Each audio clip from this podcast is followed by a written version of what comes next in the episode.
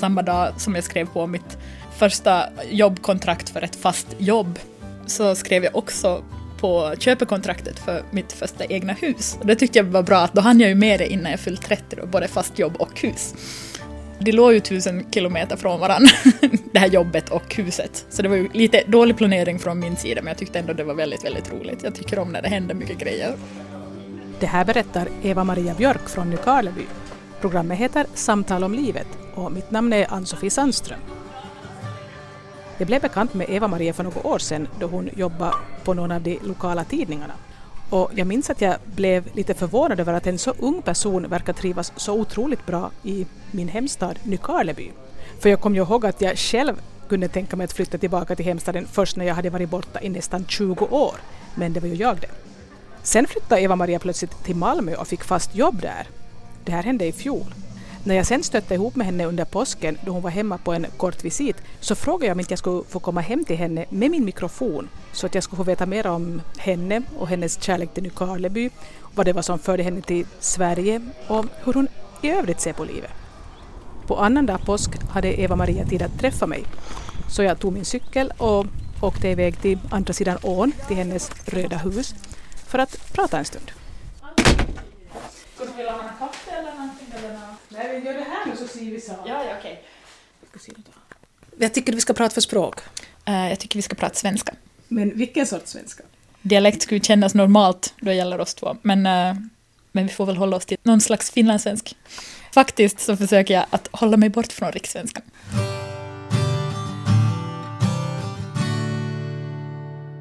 Jag heter Eva-Maria Björk och eh, vi sitter i mitt vardagsrum i mitt lilla hus i Nykarleby. Där jag hälsar på, för jag bor egentligen i Malmö. Jag vågar faktiskt nästan göra anspråk på att ha Nykarlebys bästa utsikt över älven och kyrkan. Du är alltså härifrån trakten? Ja, jag är uppvuxen i Munsala, riktig Munsalabo. Men känner väl mig kanske mer som Nykarlebybo egentligen nu. Eftersom jag har bott flera år i Nykarleby som vuxen också. Jag känner att den här gränsen mellan att vara Munsalabo och Nykarlebybo är ganska flytande. Alltså Munsala tillhör ju Nykarleby sedan 1975 eller 6 eller 4, nåja, från 70-talet någon gång. 1975 är ju årtalet. Ett år. Nu hamnar vi plötsligt in på en lång diskussion om olika delar av Nykarleby och olika delar av Munsala och hur olika människor är som bor i olika byar. Men eh, det tror jag vi tar och skippar. Vi kan nöja oss med att konstatera att Eva-Maria växte upp i Munsala. Det finns nog ingen, ingen i Munsala som skulle kalla sig Nykarlebybo tror jag. Men hade hon då tänkt sig att hon skulle stanna kvar där eller stanna kvar i trakten? Eller hade hon redan när hon växte upp tänkt sig att hon skulle iväg någonstans? Nej, jag tror nog aldrig att jag hade tänkt mig att jag skulle bo kvar i Munsala. Alltså jag har ju alltid velat resa mycket runt världen, alltid varit nyfiken på världen och, och, andra länder och sånt, så jag hade väl nog säkert kanske tänkt att jag skulle bo lite var som helst i världen, kanske i någon storstad till och med, kanske jag drömde om. Du köpte ju hus i Nykarleby. Ja, man ser ju att det verkligen, verkligen besannades. Att det blev, nej, men när man blir vuxen sen så kanske man inser att storstäder är enormt roligt att besöka och kanske jättekul att bo i vissa perioder av ens liv, eller, men det här, jag trivs nog allra bäst i, i småstäder faktiskt. Som, om man ska bo, bo på en längre tid så är nog småstäder att föredra, tycker jag. Men vart for Eva-Maria då, när hon först for från trakten? Inte något så jättelångt. Jag for till Åbo och studerade där ett år. Sen flyttade jag till Vasa och studerade där i fem år kanske. Och sen for jag tillbaks till Åbo och studerade. Och, och fullföljde de där studierna som jag började på för väldigt många år sedan. Vilka studier var det då? Det var religionsvetenskap som jag till slut tog en examen i. Men uh, sen har jag studerat uh, journalistik då på en medellinje i Vasa och läst statskunskap och sånt. Jag, jag höll nästan på att bli en evighetsstuderande, men jag tror jag klarade mig med nöd och näppe. Jag tog en examen 2006. Men vad fick dig att välja religionsvetenskap?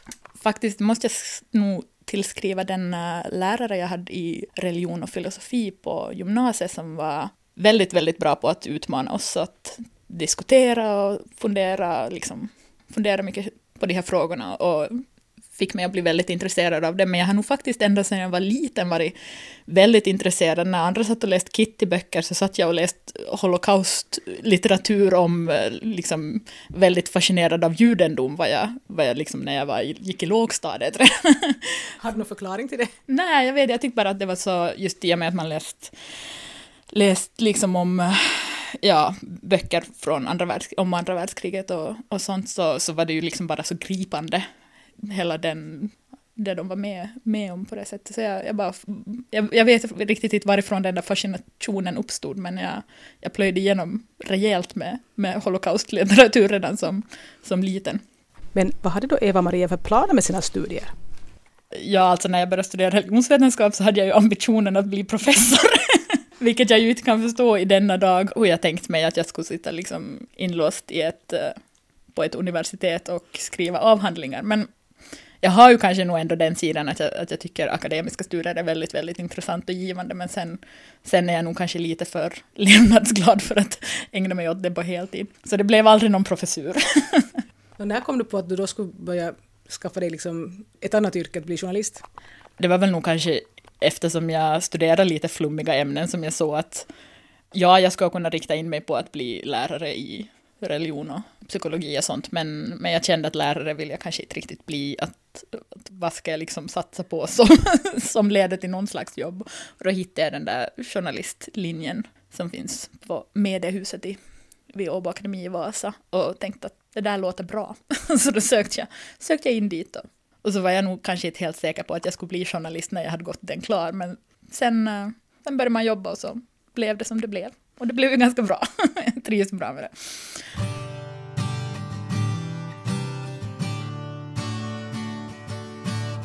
Jag nämnde den att när jag lärde känna Eva-Maria så jobbade hon på någon av de lokala tidningarna. Och hon bodde i Nykarleby. Alltså, måste jag nog faktiskt säga att, för att, att Nykarleby har betytt jättemycket för mig, för jag tyckte att jag började ett uh, helt nytt kapitel av mitt liv när jag flyttade hit och jag, jag tror det har aldrig varit så det har aldrig varit så roligt att flytta någonstans som att flytta tillbaka till Nykarleby för det var så himla omotiverat. Vi hade aldrig trott att jag skulle liksom efter studier bara ja, nej men jag tar mitt pick och pack och flyt, flyttar till Nykarleby. Hur gammal var du då? Egentligen så, jag bodde först en vinter i Munsala faktiskt för att jag skulle spara ihop pengar för att åka till USA där jag hade en pojkvän för tillfället. Så då bodde jag i Munsala en vinter och jobbade i Kokkola. Men äh, jag tror att jag var 26 eller 27 sen när jag skaffade en egen lägenhet i, i Nykarleby. Sen när jag insåg att nej, men jag ska bli kvar här. Och det hade, alltså, det hade ju att göra med att, att eh, ja, ett förhållande som tog slut helt enkelt samtidigt som jag var klar med mina studier och man ska börja på med, med vuxenlivet och allt det där. Och klart att man mår ju lite risigt när ett förhållande tar slut. Och då var och det är ju som, därför som jag alltid hyllar Nykarleby till skyarna, för att jag, jag tycker att när man har, har, haft det jobbigt så är det en enorm rikedom att bo i den här stan. För mig åtminstone har det varit så, för att här har jag vänner som man har haft hela livet, eller som man kanske, många vänner som jag lite tappar kontakten med efter skolan och under de åren som man var borta och studerade, men som man har återupptagit den där kontakten med jag vet inte om det är någonting med det här att det är som en småstad, att man har mer tid för varandra för att det inte finns så mycket, mycket annat. Men jag, tyck, jag tycker att det är så väldigt lätt att komma folk nära här, att jag har så otroligt fina kompisar just i den här stan. Och dessutom har jag ju min, stora delar av min familj då här nära och särskilt min, syster, min ena syster då som är ju, vi står varandra väldigt, väldigt nära. Så för mig så var det liksom bara sån eh, plåster på såren att, att få vara här där man jag tror också det att man blir som sedd på ett annat sätt i en liten stad. Det finns ju de som tycker att det är liksom det asjobbigaste med att bo i en liten stad, att alla vet vem man är och alla vet vad man gör. Och, och vissa kanske upplever att man aldrig kan vara sig själv för att man är på något sätt eh, liksom bevakad av det här lilla kollektivet. Men, men jag har liksom alltid tyckt tvärtom. att jag har, jag har inga problem med att, att folk vet vem man är och att folk kanske lite skvallrar och håller koll på en. Det, det tycker jag liksom, det bara följer ju med liksom. Så stora hemligheter har jag inte så att det liksom stör mig att folk skulle prata om det då i så fall, vad det sen skulle vara, utan jag tycker bara att det, jag tycker det är bara så jättetrevligt att folk kanske bryr sig om vem man är och intresserar sig för vad man gör och just att man bara stannar och pratar och mycket mer än vad man kanske gör i en större stad. Känner man sig lite ensam här så går man ju bara typ till torghallen och handlar så träffar man ju någon man känner och får stå liksom blir man har mycket mer kontakt med människor helt enkelt och för mig som är ganska sällskapssjuk så passar det där enormt bra. Eva-Maria nämnde ett förhållande som tog slut just när hon blev klar med studierna. Så jag frågade henne om hon var en sån som tänkte att man träffar någon, man far och studerar till samma ställe, man bor ihop, man bildar familj, man skaffar hus. Ja, nej men så österbottniska man väl nog så att det, det hade man väl tänkt sig, eller hade man väl antagit liksom att det skulle, ja, så jag tänker väl ändå de flesta att man bildar familj i något skede och, och sådär. Men eh, nu har det inte blivit så än. Men det har blivit ganska mycket bättre tycker jag. jag tycker att det har varit väldigt roligt att det kanske inte tog den vändningen riktigt än. Man får ju alltid kompromissa i ett förhållande, så är det ju. Nu har jag ju istället då, för att sitta och tycka att det är jättejobbigt att man inte har en pojkvän, så har ju jag istället valt att tänka liksom att, att vilken lyx, alltså att få, få vara i den åldern där man ändå är ganska vuxen och självständig och, och allting, liksom ha den möjligheten att få, till exempel har jag rest ganska mycket under de här åren, som är ju en sak, alltså det är ju en av de grejer jag älskar mest av allt att göra, är ju att resa. Och, och det har jag ju haft möjlighet och liksom lärt känna jättemycket människor via det, bara för att jag har rest på egen hand istället för att resa liksom tillsammans med någon. Så jag tycker ju liksom att, att jag bara har haft en himla tur egentligen. och jag tycker också i och med att, att jag har varit singel i några år så har jag blivit så otroligt mycket bättre på att bara ta kontakt med folk och ja, slå sig ner med vem som helst och bli kompis med dem på 40 minuter ungefär. Men det har ju, tycker jag, också varit en jätte kul grej med de här åren som jag bodde i, i Nykabi och fått många nya vänner. Att det har, sen har det liksom varit kompisar i alla åldrar. Att, att man har kompisar som är strax över 20 eller som är lite äldre då som du, som du själv. och sådär, att, att, att man umgås ganska friskt liksom oavsett ålder. Det tycker jag, om man jämför med om jag skulle ha blivit kvar i någon av mina gamla studiestäder, som ju många också är, så, så blir det ju lätt, eller så som det ju förstås är i Malmö, där man främst lär känna folk via, via jobbet, att man, man plötsligt märker att hela ens umgängeskrets är människor som är som en själv, som har i princip ganska liknande utbildning, man har ganska liknande jobb, man är i samma ålder. Men jag tycker i och med, i och med att jag fick liksom ett annat liv här så har jag liksom kompisar som jobbar med helt andra saker än vad jag gör och som har kanske andra utbildningar och just det, andra åldrar. Och... Man får ta vad som bjuds alltså? Ja, man får ta vad som bjuds. Oftast, oftast är ju det mycket roligare, tycker jag. För att jag tycker också som, eh, som journalist så är det ju så, en så otrolig tillgång att ha människor runt sig som jobba med lite, alltså man får ett helt annat kontaktnät ute i samhället, att vad pratar folk om, vad är viktigt just nu, vad är liksom, än att man har ett umgänge där det kanske bara är samma saker som är viktiga för alla för att man har samma levnadssituation. Vad är det som har fört dig då till södra Sverige? Ja, säg det. Uh, nej, men jag känner väl kanske, jag har alltid känt att jag gärna skulle pröva på att jobba på någon redaktion i Sverige. Så det började egentligen med att jag fick ett stipendium man kan få som journalist i Svensk Finland från Kulturfonden som kallas, som är, som kallas ett språkbadsstipendium som jag sökte och fick. Och, alltså vem bara vem? Bara du dem eller bara de dig? Ja, det är frågan. Jag tror nog det blev lite både och faktiskt. Men i alla fall så kände jag att, att alla åker till Stockholm och jobbar där, men jag, jag kände att, nej, att, att jag vill testa någon annanstans och då kände jag att Malmö skulle kanske var någonting för mig, för jag alltid älskat Köpenhamn och det är nära till och, och sådär. Så, så då blev det en sommar i Malmö och jag hade väl kanske inte tänkt komma tillbaka dit, men sen så, så fick jag sommarjobb på samma tidning då igen året efter, eller de hörde efter om jag vill komma över och, och jobba. Och då tänkte jag, nej men att, att jag gör det, att det är ju så kul när man får jobberbjudanden. ja, det är alltid roligt när någon vill ha en. så då åkte jag över och då var ju också bara planen att det skulle bli över sommaren. Men sen, eh, sen dök ett annat jobb upp då som jag, som jag sökte och fick till min stora förvåning. Och då kände jag väl att nej men, nu blir jag väl så illa tvungen att stanna kvar då. Jag frågar Eva-Maria om hon som så många andra svensk-österbottningar gick och drömde om att flytta till Sverige när hon växte upp. Mm, nej, det tror jag faktiskt inte att jag har gjort egentligen. Utan jag, jag, inte, jag har aldrig egentligen varit så jättenyfiken på Sverige. För att, just för att det har varit så, det har varit så nära och man har varit, alltså hela det här med att man ser svensk TV och sådär. Så jag har aldrig, jag har alltid känt att min nyfikenhet har varit mättad nästan på Sverige. Men sen är det ju liksom bara ett faktum att som finlandssvensk journalist så är ju Sverige ett naturligt val på många sätt. Det finns ju mycket mer jobb där, det finns kanske jobb som överhuvudtaget inte finns på, på svenska i Finland. Eller som det jobb jag har nu så jag, jag känner väl det att, att det här erbjudandet får jag nog kanske bara en gång och då tar man ju det. Vad var det för jobb som Eva-Maria fick? Jag jobbar som eh, sändningsredaktör på TV4 i Malmö, med, alltså det med TV4s lokala nyheter. Och då är Malmö en sändningsredaktion som sköter liksom även andra regioners sändningar, så jag har hand om Småland och Blekinges lokala nyheter.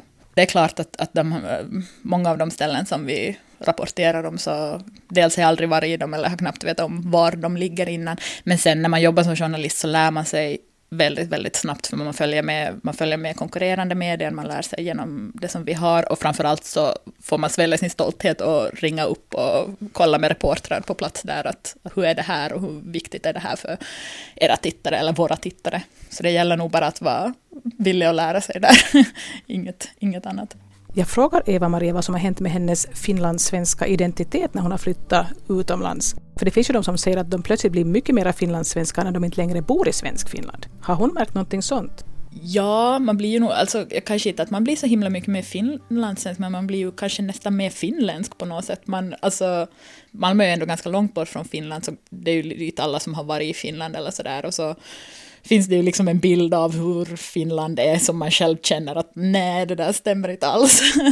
att man, eh, man hamnar ju som att prata väldigt mycket om sitt land och hur det är liksom där man bor och man hamnar, och det hamnar man ju att förklara väldigt mycket liksom det här finlandssvenska, att hur man, eh, liksom vad det är för något och hur det är att vara finlandssvenska och hur det är där jag bor och eftersom man får förklara det väldigt mycket så får man ju också tänka igenom det väldigt mycket och vad det innebär. Så man, man blir ju nog liksom, det blir ju nog kanske en starkare del av ens identitet på det sättet. Man, eh, man är den här finskan. som, ja, som bryter på finsk liksom. Ja, som bryter på finska i, i värsta fall. Tycker de, eller så tycker de att man, man inte har en så kraftig finsk brytning. kan ju också komplimangen vara ibland. Så det här, ja, alltså på många sätt så man märker att i, i kanske den bilden som andra har av en så är det här med att vara, att vara från Finland en stor del. Och det är det ju inte när man bor här, då är man ju liksom bara sig själv. Liksom. Man är ju inte, man, ens, det är ju liksom inte en så stor, det är ju som en ganska självklar del av ens identitet när man är, när man är här. Hur är det då med kulturskillnader? På mitt gamla jobb här i Finland så brukar vi när, när det blir lite sådär att man inte är riktigt överens om någonting så brukar vi säga oj oj nu blev det osvensk stämning.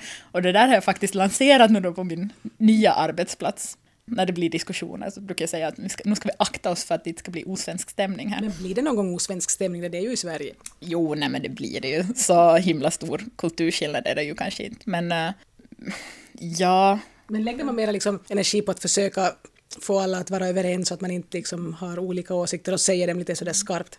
Ja, det finns ju nog kanske en annan diplomati än de arbetsplatser jag har varit på tidigare.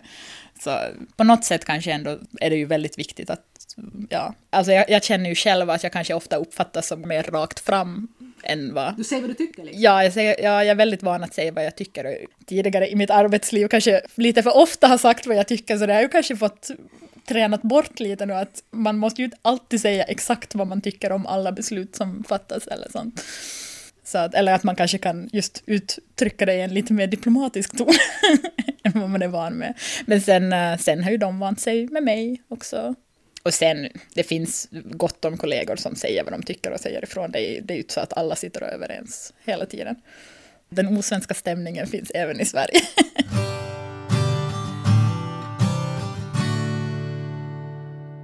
Berätta om den här dagen före du fyllde 30 i fjol. Ja, det var en intensiv dag. Alltså jag har ju ett sinne för det dramatiska då, så jag tyckte att det var, låg någonting underbart i det att jag på samma dag som jag skrev på mitt första jobbkontrakt för ett fast jobb, så skrev jag också på köpekontraktet för mitt första egna hus. Och det tyckte jag var bra, att då hann jag ju med det innan jag fyllt 30, då, både fast jobb och hus.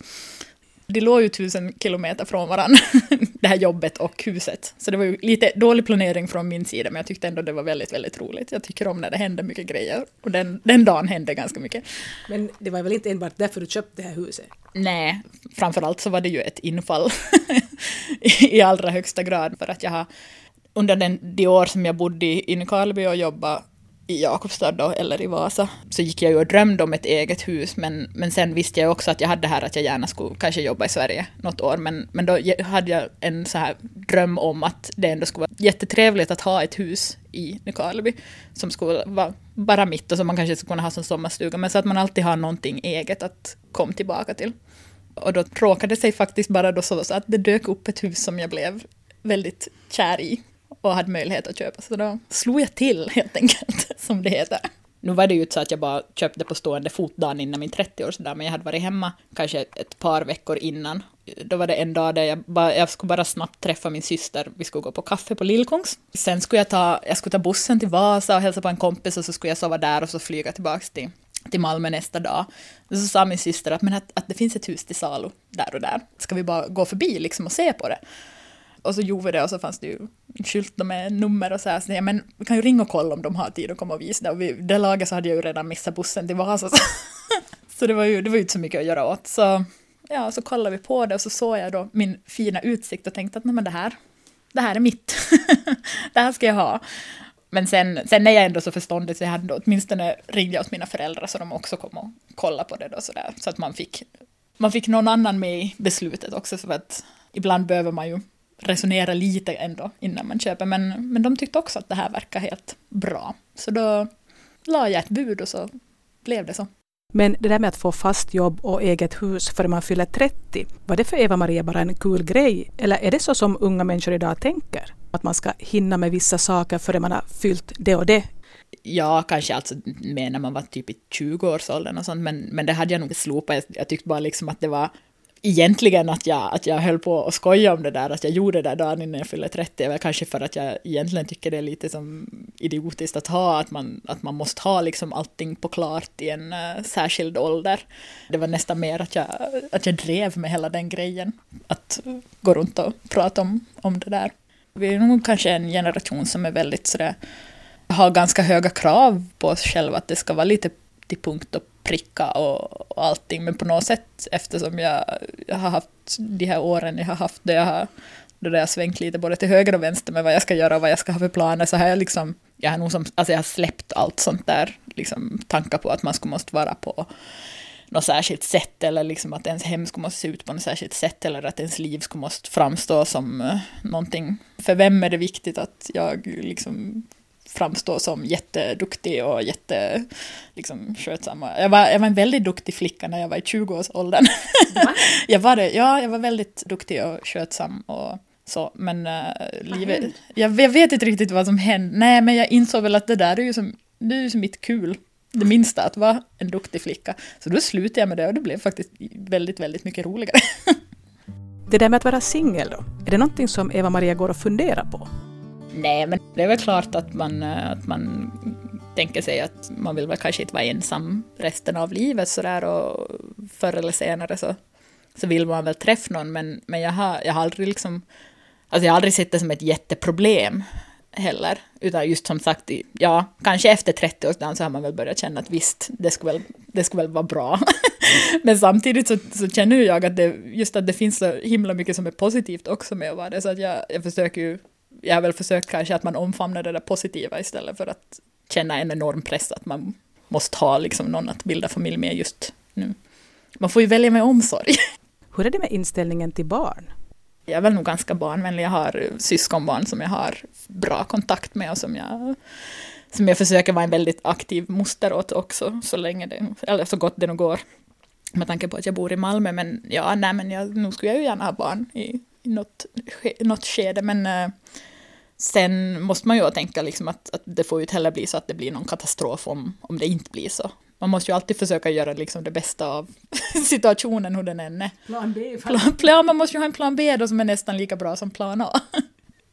Just när man är, när man är singel så kan jag tycka att det är väldigt intressant nog på många sätt hur man blir betraktad märker man av många av att, att det är lite synd om en på något sätt. Och, och nu, eftersom jag är en ganska frispråkig person som kan raljera ganska mycket med det här med att vara singel och jakten på den rätta och det här, så man kan ju ha hur roligt som helst när man börjar raljera om, om det så bjuder jag ju till, in till det att mycket folk liksom frågar att men har du träffat någon eller liksom att folk frågar ens kompisar har Eva-Maria hittat någon men alltså det finns ändå den här känslan av att, att kollektivet runt en tycker att det är lite synd om en för att man, man liksom har blivit, blivit över. Men där så kan jag ju som kanske inte riktigt känna igen mig i att man skulle vara liksom något offer, för jag kan ju nog känna att jag säkert är lyckligare än ganska många som är i dåliga förhållanden.